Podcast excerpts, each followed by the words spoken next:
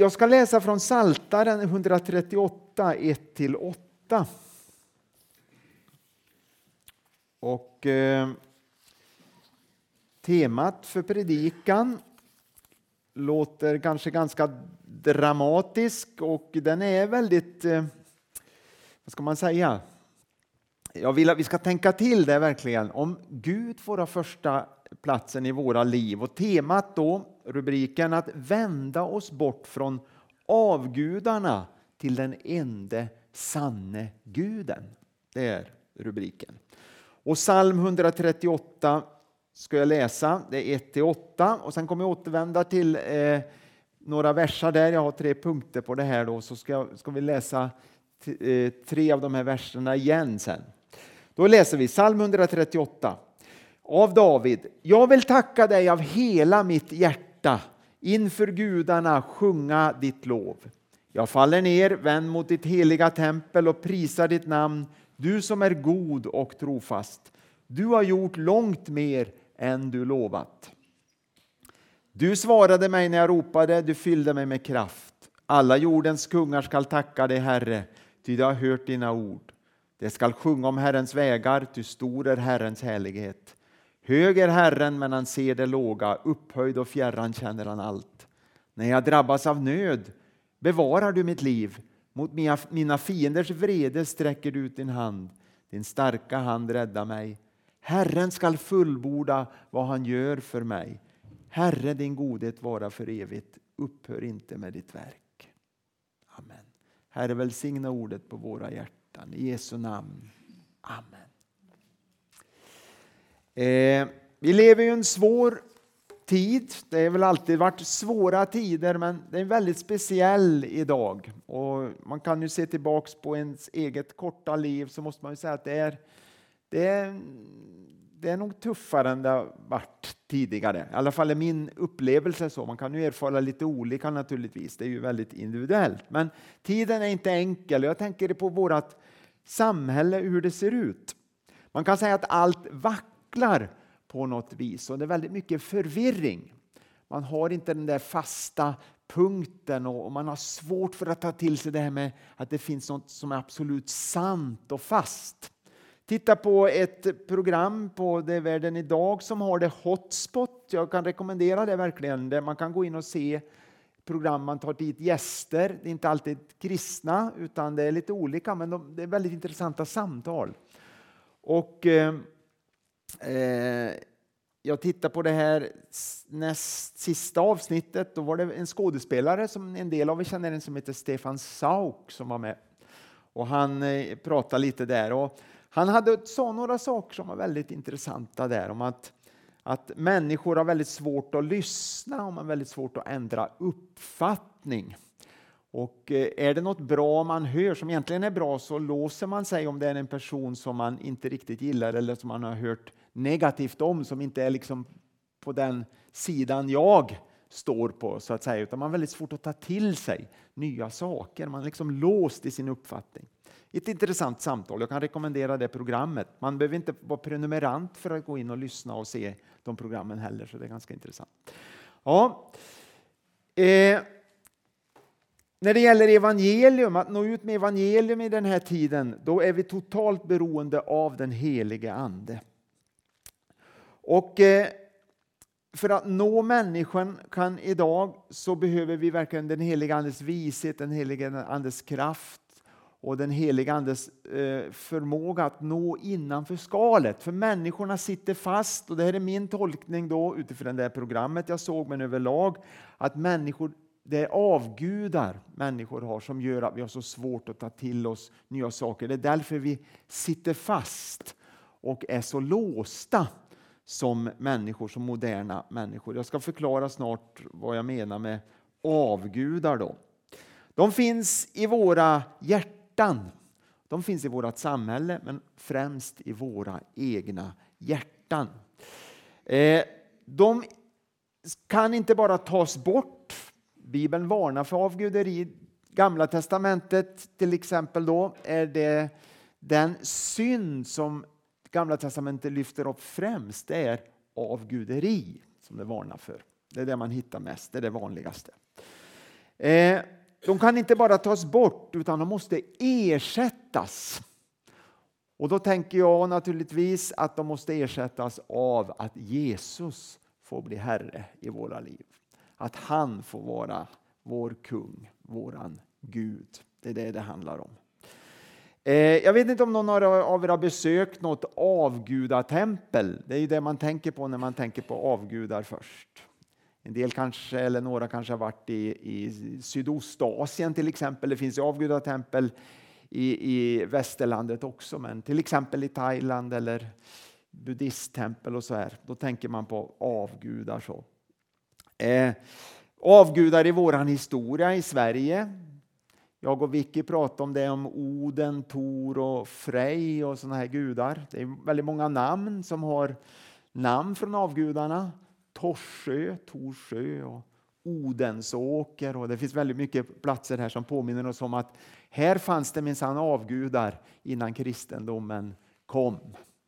Eh, nu är det inte främst dem jag tänker på, även om de stod för någonting som finns i människan som är samma sak som finns idag, som har funnits i alla tider. De är ju symboler för någonting. Apostlagärningarna 17 och 16 då läser vi om Paulus när han var i Aten. Medan Paulus gick och väntade på dem i Aten blev han upprörd i sitt innersta när han såg alla avgudabilder som fyllde staden.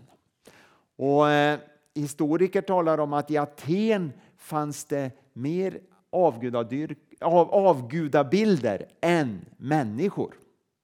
Så, så vanligt var det med avgudabilder. Så det vimlade av det. Men han blev upprörd när han såg dem, för han visste att det finns ju bara en verklig sann Gud. Jag har tre eh, underrubriker här jag tänkte jag ska lyfta fram. För det första, nummer ett. Frigörelsen från avgudar. Det handlar om att vända oss till den ende sanne guden. Då först blir vi fria. Vi läste i psalm 138 nyss, första versen. Jag vill tacka Gud av hela mitt hjärta inför gudarna sjunga ditt lov. Inför gudarna sjunga ditt lov.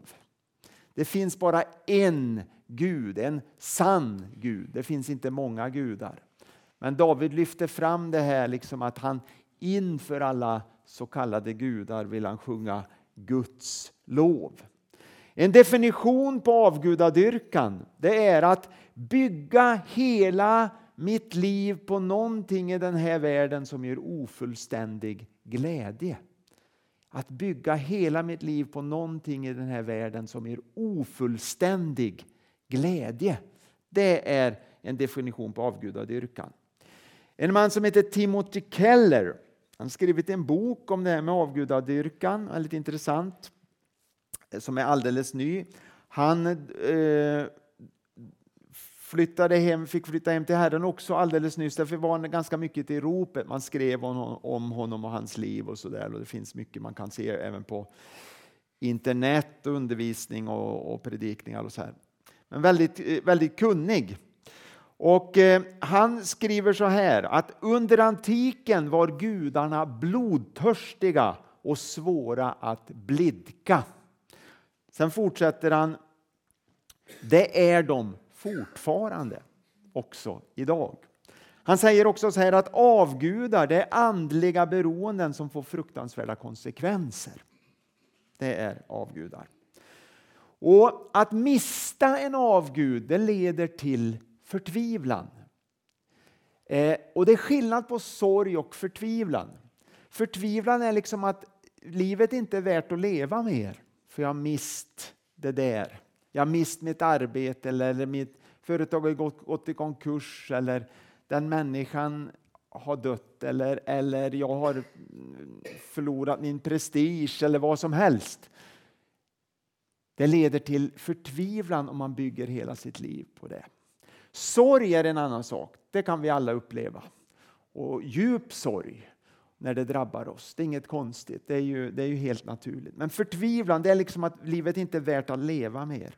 Det finns sådana företagsledare som, som företagen har gått i konkurs och man har Till exempel, ett exempel bara så att man har tagit sitt liv, för man, det är, livet är inte värt att leva mer. Eller man har förlorat eh, pengar eller vad, vad som så.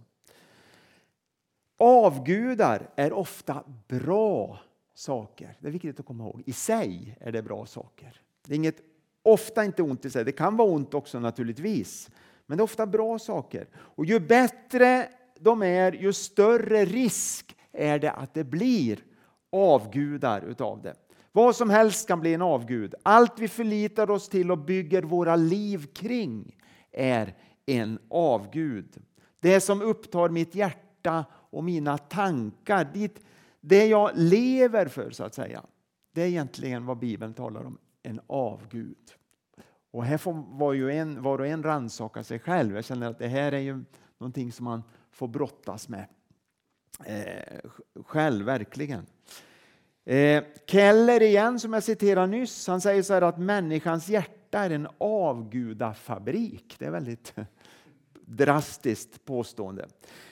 Och några exempel här som eh, kanske inte vi tänker på, men det som kan bli avgudar. Det kan vara arbetet som kan bli en avgud. det är allt eh, mitt liv går ut på, det är mitt arbete. Någon ideologi som jag har, som jag eh, håller fast vid väldigt starkt. Min religiositet, att liksom göra saker, för, alltså att visa inför Gud och människor att jag duger, att jag räcker till och så här. Det kan bli min avgud, det jag lever för. Familjen kan bli en avgud, till och med. Någon person. Idoler. Musikidoler eller någon idrottsstjärna eller vad som helst. Pengar. Det skulle jag vilja säga att det är kanske är en av de allra största avgudarna idag. Pengar. Framgång, prestationer, sexualitet, idrott, att vara annorlunda, att vara någon, att jag hela tiden ska liksom visa mig själv och vara liksom någon som väcker uppmärksamhet och så här. Att behaga en ledare kan vara det också. Eh, att ledaren, i vilket sammanhang den är, är min avgud. Någon som styr eller något som styr och kontrollerar mitt liv är avgudar. Och Det är svårt att bryta och ändra sig. Man sitter fast i saker. Jag tänker på, på en sån, det är ju väldigt drastiskt och det är ju verkligen en negativ sak. Och Det är ju allt, allt det med gängkriminaliteten som är. Och jag läste nyss i Dagens Nyheter om att Sverige har att i Sverige finns det, räknar man med 30 000 personer. Det är mer än eh, Mariestads kommun, va? det är 25 någonting. Mer än, eh, alltså 30 000 personer som finns med i kriminella gäng. Det är en oerhörd siffra. Och eh, Det verkar som de finns med därför att många i alla fall, många av de här yngre gängmedlemmarna för att visa att de duger, att de kan någonting, att de är någonting och, och, och leva upp till förväntningar hos olika ledare och så stiga i rang och så här. Och så gör de vad som helst, väldigt våldsamma saker. Till och med mord gör unga, unga människor. Mm. Avgudar måste ersättas och det är Jesus som måste få bli vår Herre och Mästare i våra liv. Det går inte att försöka bara ta bort en avgud. Då kommer det snart, den snart tillbaks eller också kommer det en ny. Utan den måste ersättas av Jesus Kristus. Han måste bli Herre. Och då kan vi stå emot avgudarna. Kolosserbrevet vill jag läsa, 3, femte versen och så vill jag läsa också åttonde till tionde versen. Står det så här. Döda därför det jordiska hos er, otukt, orenhet, lidelser, onda lustar och själviskheten, detta avguderi. Sen står det i 8 till 10. Men nu måste ni lägga bort allt detta vrede, häftighet, ondska, oförskämdhet och alla skändligheter som kommer ur er mun. Ljug inte för varandra, ni har ju klätt av er den gamla människan och hennes vanor och klätt er i den nya som förvandlas till verklig kunskap och blir en bild av sin skapare. Den nya människan, Jesus Kristus. Det finns en berättelse i Andra Kungaboken. Jag ska bara återberätta väldigt kort, ett par minuter Det handlar om en man som heter Naman i andra eh, kungaboken, femte kapitlet. Han hade avgudar. Det framkommer väldigt tydligt i berättelsen. Han var en framgångsrik syrisk överbefälhavare. Kungens närmaste man, alltså på något vis nummer två kan man säga i, i det armeniska riket, alltså Syrien. Och de var i ständig konflikt med Israel, det var mycket, mycket krig där. Han hade framgång, han hade pengar, han hade makt, han hade allt man kunde önska, han hade ingång överallt. Men det fanns ett men. Han hade också drabbats av spetälska, lepra. Därför hamnade han samtidigt helt utanför. Man måste ju ha en distans eftersom det var så smittsam sjukdom. Så han kunde inte leva som vanligt nära människor. Och en kris kan verkligen förändra allt. Han börjar ju tänka över sitt liv naturligtvis.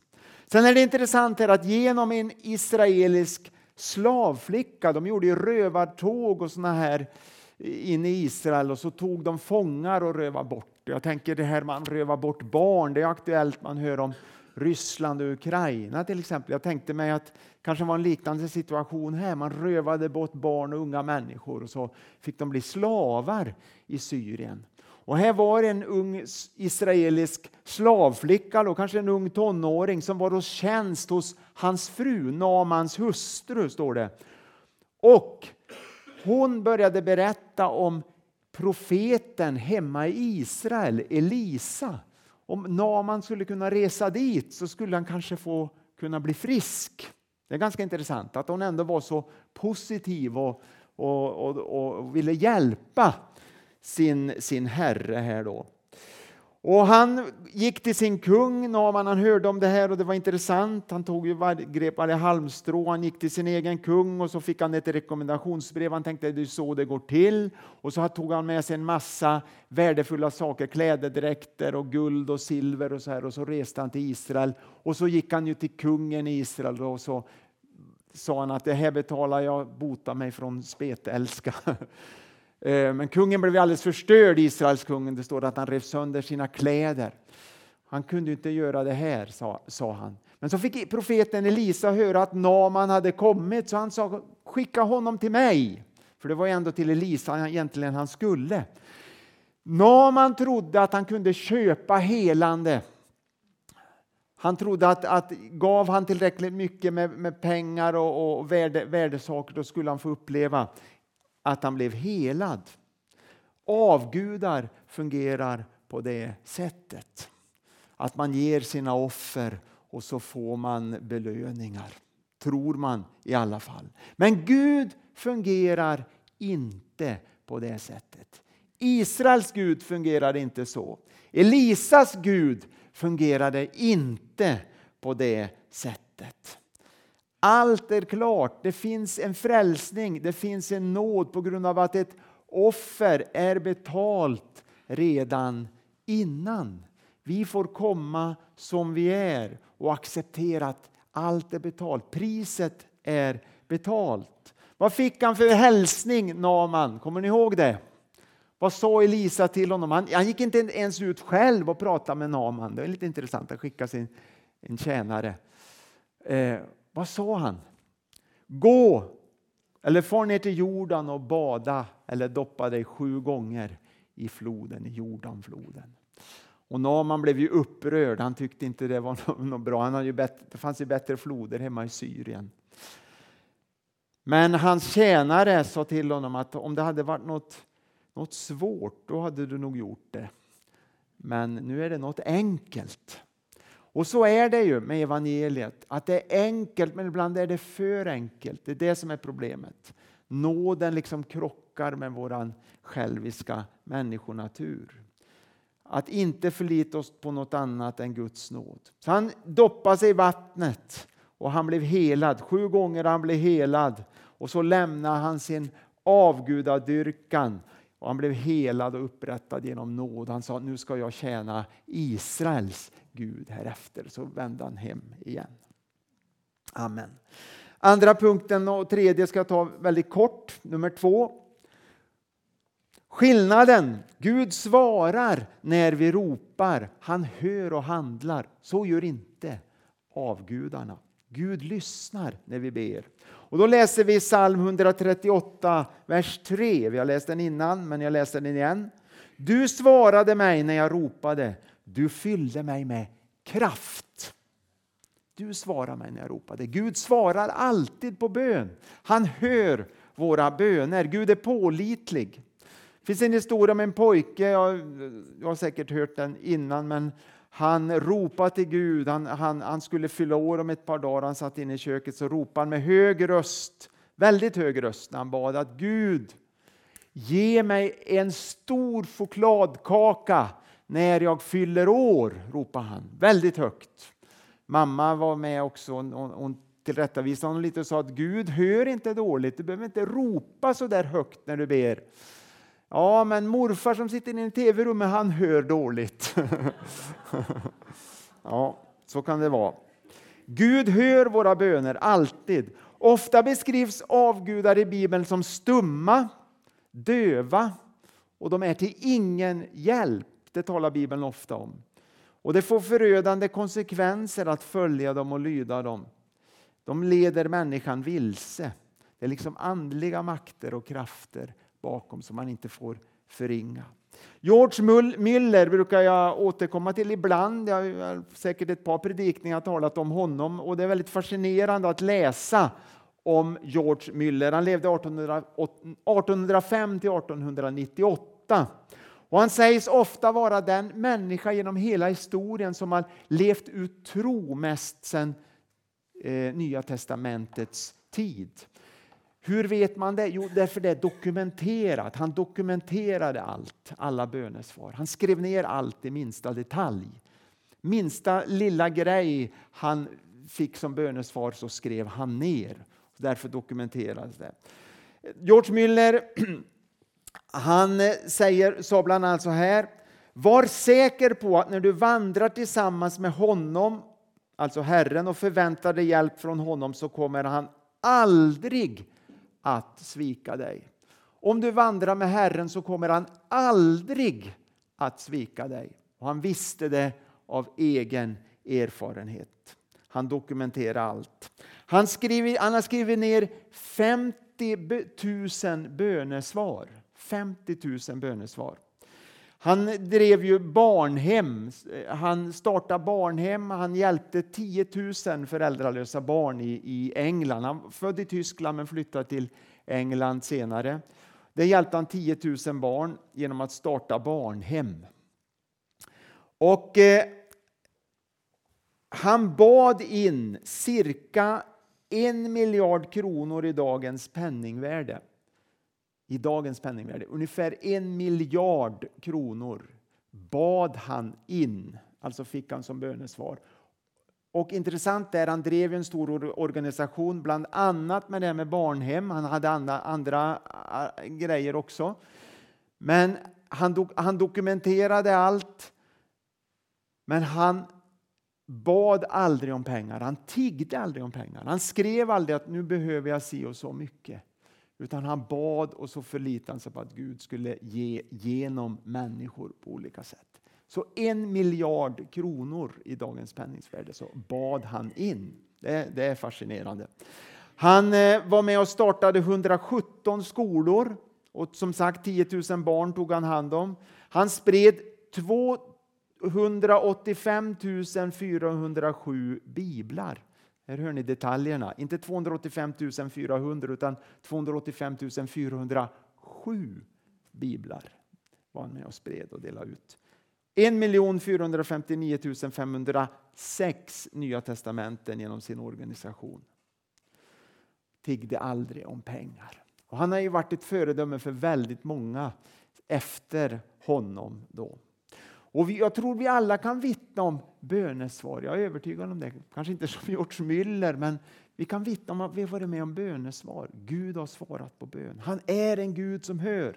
I England läste jag precis här, eh, bara för ett par dagar sedan, håller kristna på att resa ett bönemonument. Det är ganska intressant. som ska visa på en miljon bönesvar som människor har fått i, eh, i eh, England, kanske andra platser också.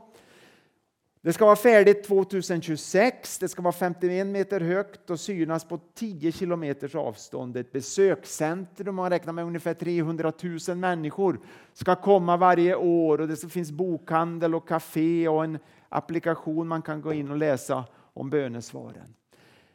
Blivit kritiserat för att det kostar mycket pengar och, och jag och Vicky pratade om det precis. Jag tänkte inte den tanken men hon sa att det kan ju bli en, en sån där avgudatempel det också. Det är ju lätt att människor vallfärdar till platser och så blir det som en avgud istället. Och klart, det finns ju alltid en risk med sånt.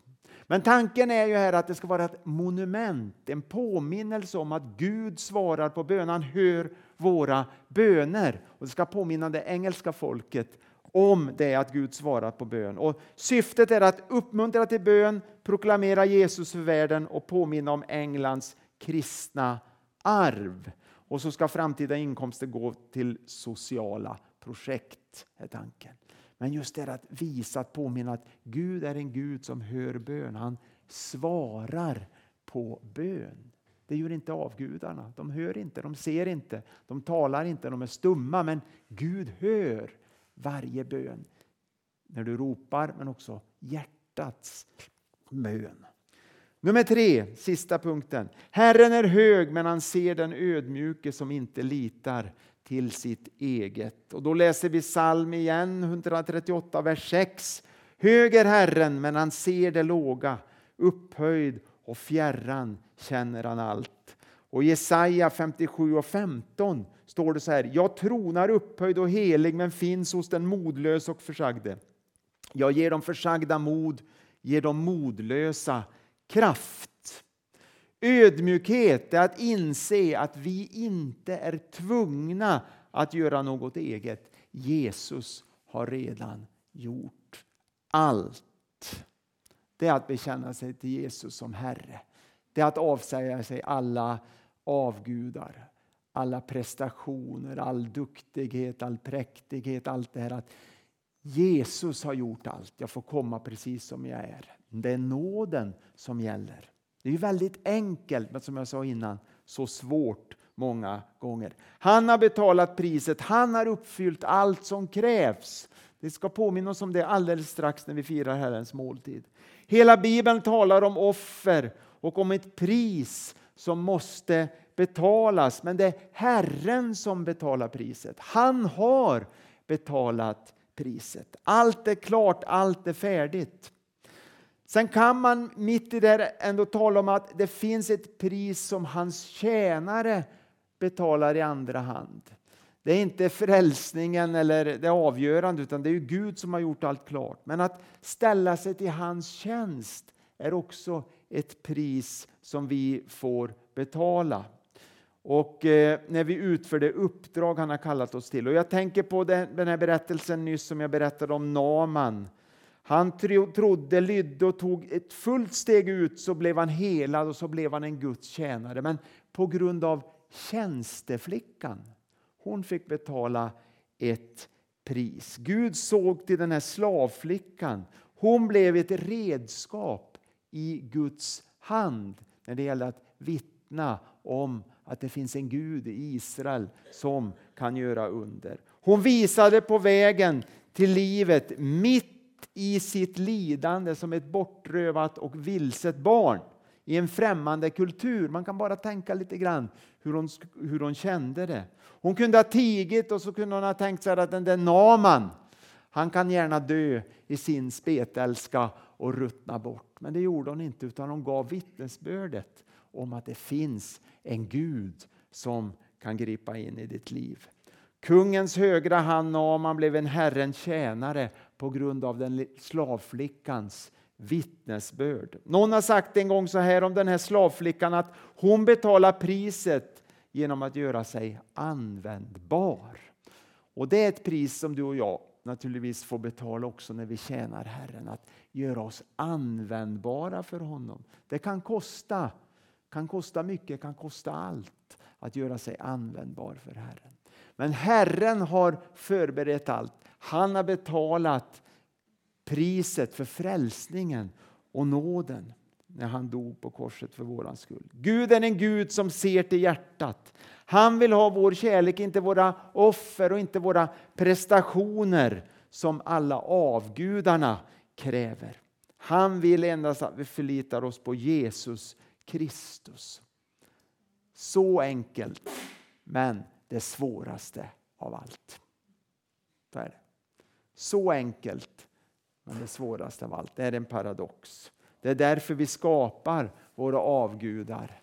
Vi krånglar till det i livet. Men Herren har gjort det enkelt. Kom till mig. Det, priset är betalt. Frälsningen är klar. Doppa dig sju gånger i floden. Det är nåden. Du behöver inte göra något annat. Kom. Det får vi tänka på när vi tar emot Herrens måltid.